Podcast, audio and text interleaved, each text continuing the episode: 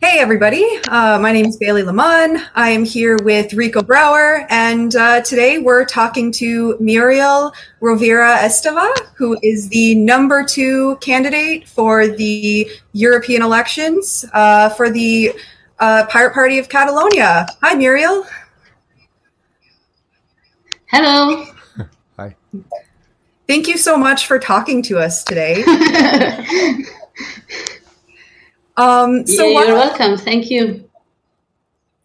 Excellent. So why don't we start with um, just for for people who may watch this video who maybe don't know you, why don't you introduce yourself and tell us a little bit about you?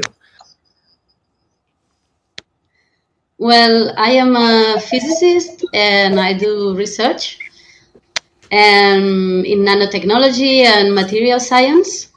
And I've been in the Pirates of Catalonia until 2011. And I've been doing all sorts of tasks there. I've been in the board.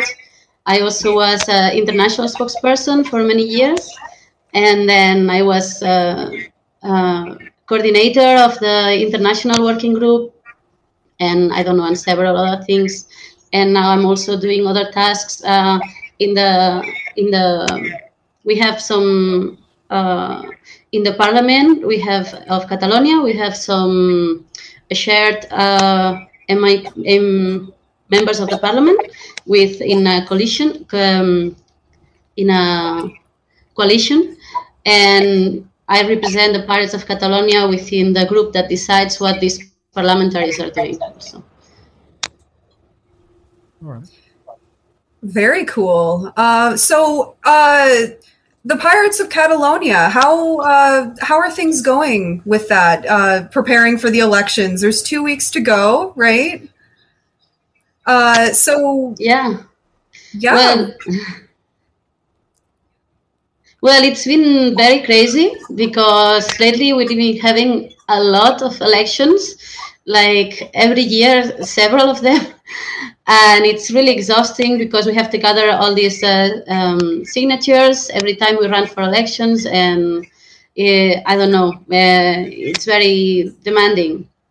And uh, but it's i think it's going great for us. We're very happy actually. Uh, we we were just about we had some elections for the spanish parliament uh, just i mean just this last month so you were talking about um, the like there was just elections in Spain, and there was a coalition where uh, you almost won.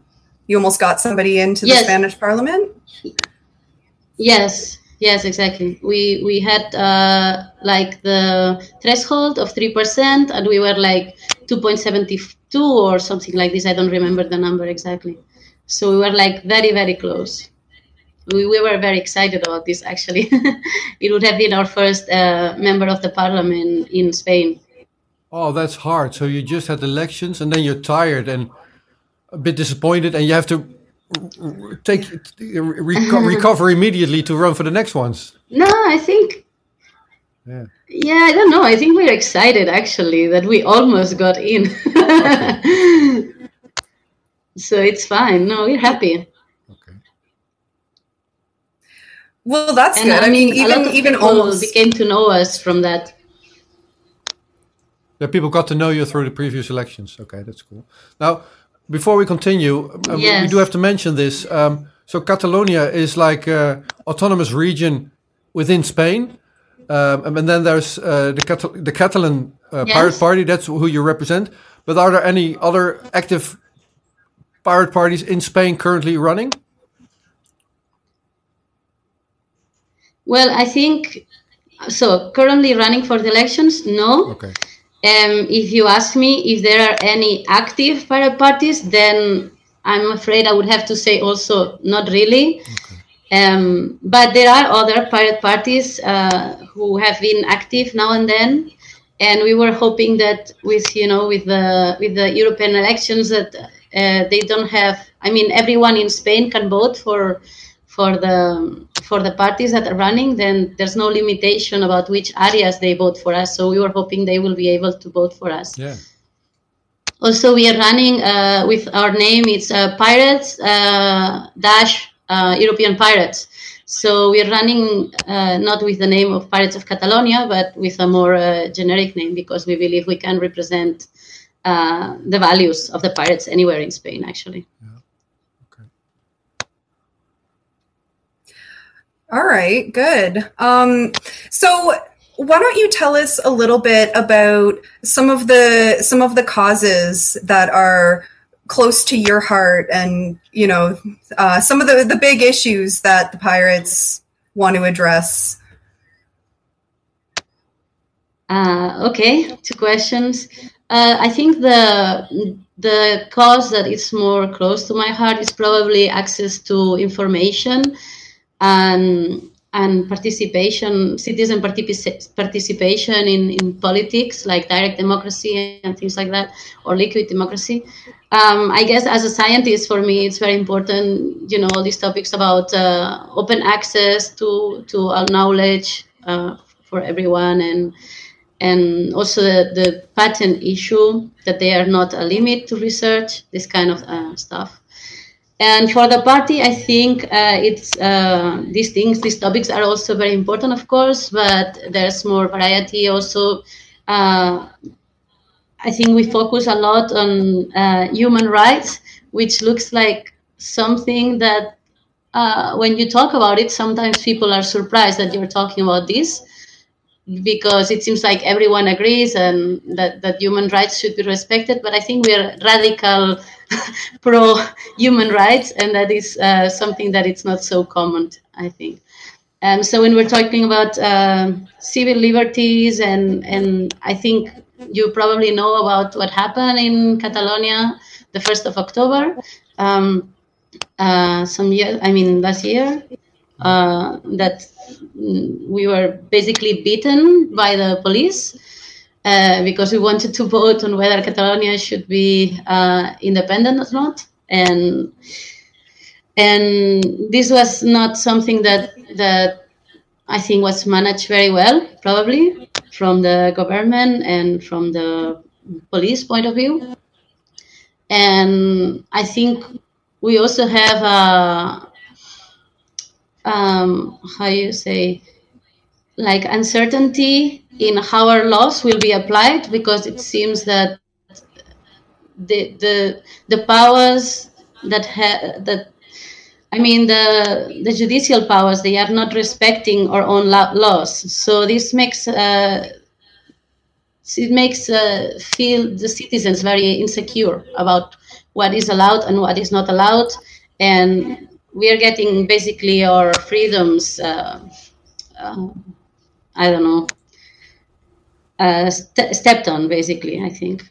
Do you feel? So I think this is uh, one of the things that that maybe because of this particular moment in in the in what is going on, it's very important to us.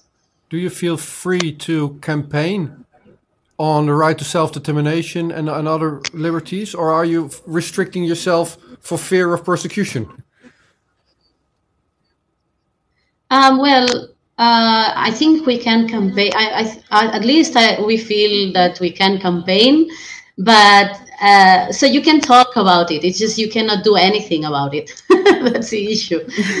so and and also there's a little bit of insecurity when you're criticizing. I don't know the king, on where you're criticizing. You're making certain kind of uh, maybe jokes and things like that on Twitter. There are some uh, singers they had had to flee the country basically because they were I don't know because they were uh, criticizing this maybe in a harsh way, but anyway. I don't know. Uh, so yes, I think we feel we, we can campaign, but maybe we cannot be too strong about it. I don't know but yes, I, I, think, I mean, basically, I think in general there is freedom of, of speech, more or less, unless you are too uh, strong about it. I don't know how to phrase this. And a follow up question though the European Union has been mostly silent to this Catalan case going on and with the yes. trials in Madrid. So, how do you feel about that? And is that is that playing a role in the way you campaign? I think uh, yes, this is actually extremely disappointing for uh, the citizens in Catalonia in general. I think is that uh, we thought that maybe you know the the Spanish government could be unfair in this, or they wouldn't. I don't know. They would not respect uh, maybe um, you know the human rights or citizens' rights in general. But we were expecting that the EU would, and that it would somehow force Spain to respect these rights. You know, so th- this was really a, a, huge disappointment, I think, to a lot of people. But maybe not now, but last year, you know, and. Uh, I think we we are hoping actually because as you know the um, pirate parties, we have this uh, common program, and we all agree that people should be able to determine their own fate. Yeah. And this is actually part of our common program, which is great, the right to self-determination. And I, we for sure will will be will be emphasizing this uh, in our campaigning because this is a very important issue for, for especially for for citizens in Catalonia, because independently of uh, whether uh, people want to be independent or not, because there's some, of course, there's some difference in opinions on that. There's a lot of a large consensus that uh, Catalan citizens think that they should be able to decide on that. It's like, I think it's 80% or more than 80% of uh, people think that. So we will for sure push for that and i don't know we have to see but of course we don't have a lot of resources so sometimes our message doesn't get through. So we'll see. But i guess we're we're hopeful.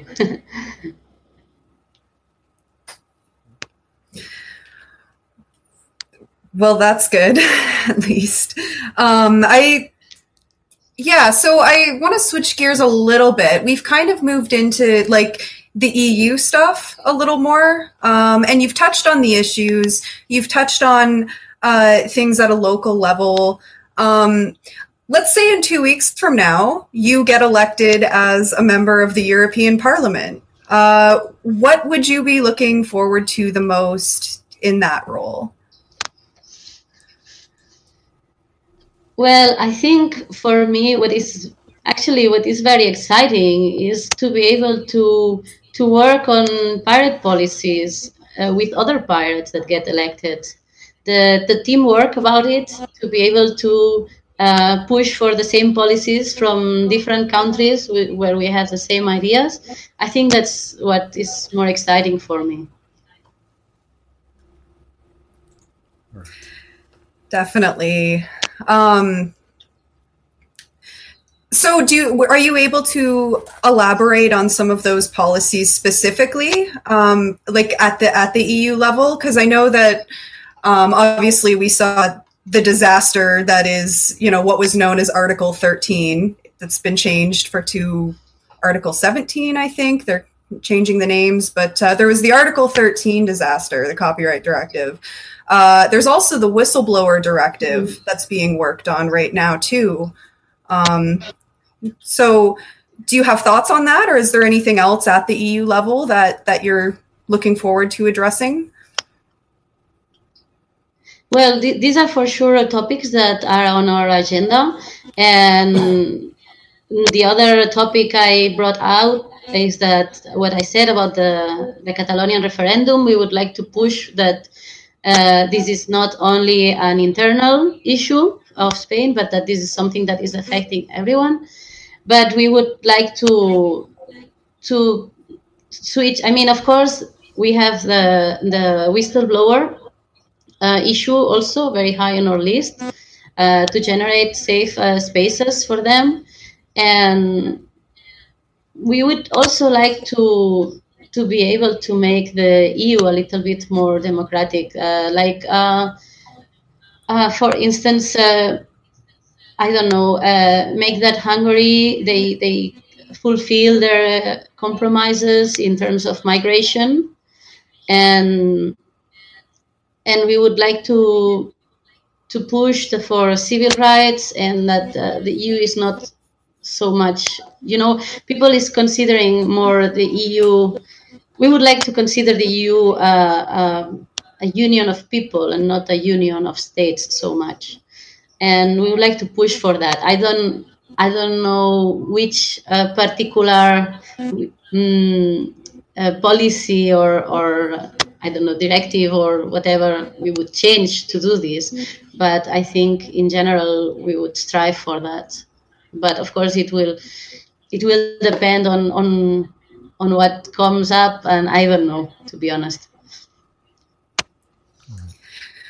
Well, I love what you said about the EU being a union of people and not a union of states. And it's too bad that more people, especially who are getting into politics, don't think of it as that. Um, and you very beautifully highlight the intersections between human rights and digital rights um, and why these things are connected and why they're important. Um, is there anything else that you want the people out there to know about you or about the Pirates of Catalonia, about your campaign? Go for it. Uh, well, I think we, we have to push, if we want the EU to continue and, and to survive, I think we really need to change how is it working. I mean, we, we need to to offer, um, you know, uh, people a home who are fleeing from countries in conflict. We need to to make sure that people are safe when they are older and that they they can live, uh, survive, and they are not uh, become poor and then they are on the streets. Uh, I don't know. We also have to push for the copyright. Uh, I mean, to to to prevent that the copyright lobby is changing internet the way it is. I think if we don't, if we're not able to change uh, the EU as it is now, we will, and, and we don't get this freedom of speech for everyone, and and that we have uh, media that can that are able to publish uh, the stories without biases and and without uh, intervention from third parties, then I think we we won't. I mean, the EU won't survive. So I think it's very important that we all uh, push for that, and that of course that people. I think it's important that uh, we educate people to uh, to read the programs, that not look only at the pretty face or at a I don't know at a beautiful sentence, you know, but to really find out what the parties are defending and, and to see if that uh, is uh, it, it, resounds with them and it makes them think what they really want for Europe. Yeah. Now, I don't know if it's any help for you, but, but in closing, I, I noticed that um, the word political prisoner was not allowed anymore on Catalan media. So looking at the situation with Spain and Catalonia for me yeah. is in a way a, a, small thing of what's what's to come with censorship in EU if we don't stop that thing. So that's why we're supporting you guys. Yeah, the yellow color is not allowed either. Yeah, exactly. So if we're banning colors, we're doing something wrong in the EU, aren't we? so I did yeah, put up. I, I, put this up. This this llaç groc here. So maybe this video might not be shown. We'll see. Yeah. okay. Muriel, thank you so Thanks much. thank you. Thank you so much for talking to us. Best of luck with the campaign. Um, keep in touch and let us know if there's anything we can do to support you going forward.